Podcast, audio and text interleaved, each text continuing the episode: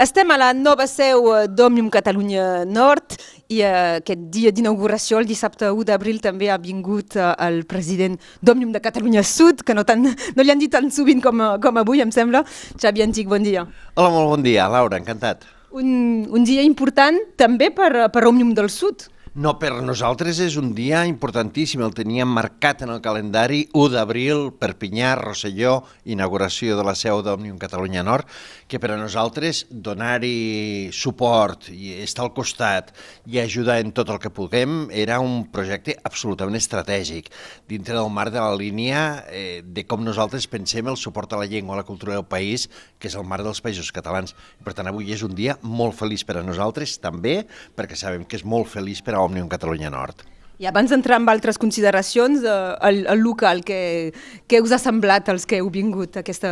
delegació, bona delegació de, de la Junta i, de, i de, també de, de comarcals? No, ha estat eh, una sorpresa per tots els membres de la Junta que no l'havien vist. Jo ja la vaig poder veure eh, després de la manifestació de l'any passat i dels membres de les juntes territorials, perquè la veritat és que és un local meravellós, és, és un autèntic palau, és una casa barroca que té un pati fabulós, que està en el cor de Perpinyà, en el cor de la ciutat, a dos metres de la plaça, a peu de carrer, i permet una mica desplegar, jo tam, crec que també allò que és molt important, que és que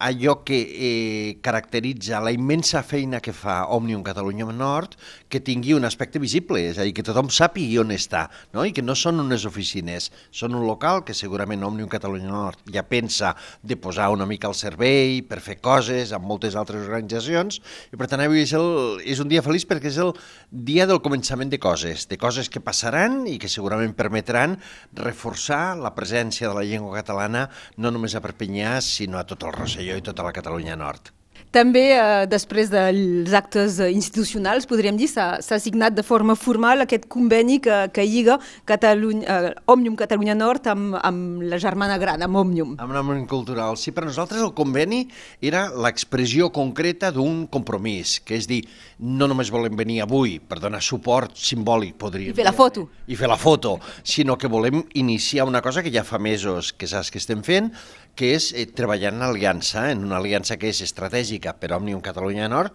però que també és estratègica per a nosaltres. I nosaltres n'aprenem del que s'està fent aquí, del que s'està impulsant aquí, en l'àmbit del cinema, en l'àmbit dels cursos en català, en l'àmbit d'una ciutat que està patint l'embat de l'extrema dreta i una mica el que representa, i per tant per nosaltres no és pas per res, no?, d'una seu molt gran que ve eh, paternalistament no? a veure una seu petita, sinó que fonamentalment venim a aprendre. I el conveni és l'expressió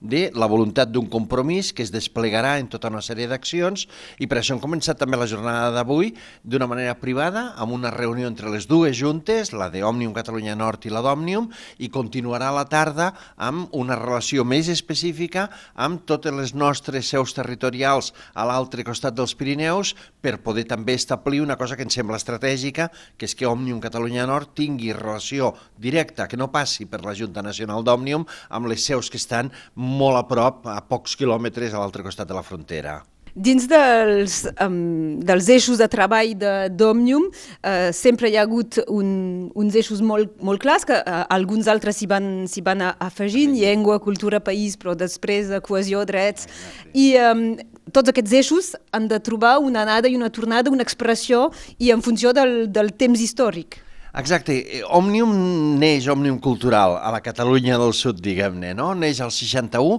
amb aquest triple lema, que són les tres columnes o els tres pilars de la nostra acció, que és llengua, cultura, país,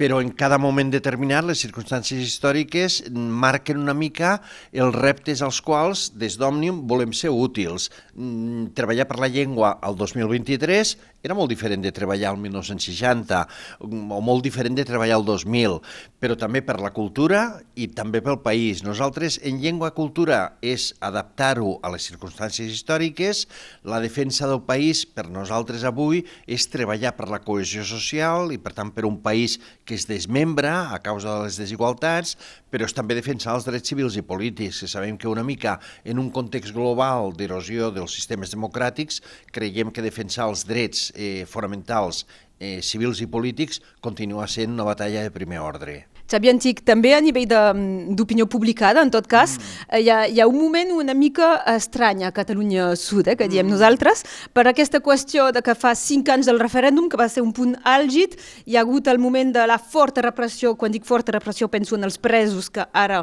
estan fora, però no per això en exercici normal de les seues funcions, i, i doncs la societat s'està com intentant adaptar o, o, o justament potser hi ha que hi ha incomprensió dins de l'acció de, de les diferents entitats i com que Ònium és una de les importants? Has, has definit molt clarament el, el problema i la situació, que és que hem, venim d'un cicle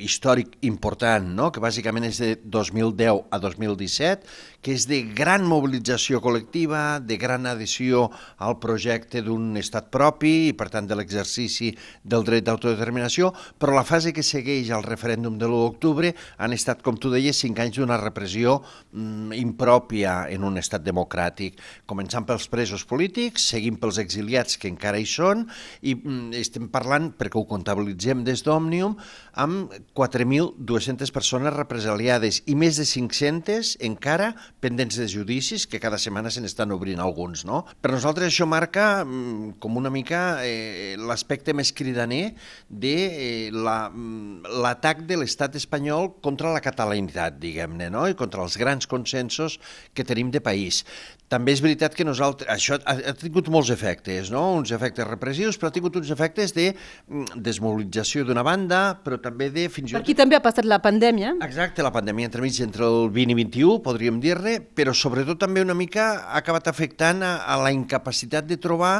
una estratègia política compartida que aplegui d'alguna manera tot el moviment. Per això des d'Òmnium ara estem treballant des de fa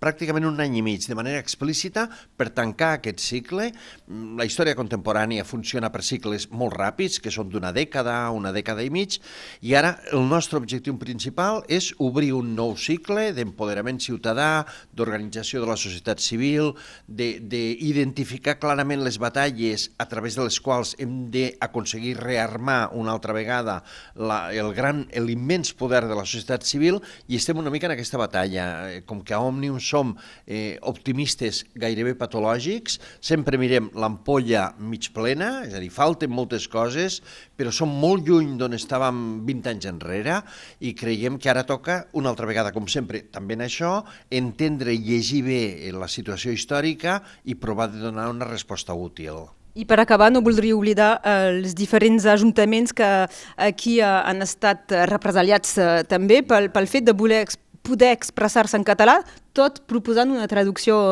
al francès i des d'Òmnium també hi ha, hi ha una ajuda en aquest sentit. Eh? Sí, per nosaltres forma part també d'aquests objectius estratègics. La llengua catalana no pot estar proscrita, prohibida o vetada en cap espai de la vida pública d'una comunitat, menys encara, que és el que ens sembla més greu, en l'àmbit dels ajuntaments, que són representants democràticament elegits que han de tenir el dret de poder-se expressar amb tota normalitat en la llengua amb la que parlen amb els seus conciutadans. Per nosaltres donar suport a la valentia i al compromís de tants representants dels ajuntaments eh, en els quals això no ho podem fer amb tota normalitat i amb normalitat vull dir que ho volen fer sense que això representi cap mena, ni per suposat, de menyspreu o d'hostilitat a la llengua francesa, sinó simplement de defensa d'una llengua minoritzada que avui encara no té la seva vida, eh, podríem dir-ne, mm, habitual en molts dels espais públics i per tant hi estarem sempre al costat d'aquesta defensa. Xavier Antic, president d'Òmnium, gràcies i fins aviat. Un plaer, fins aviat.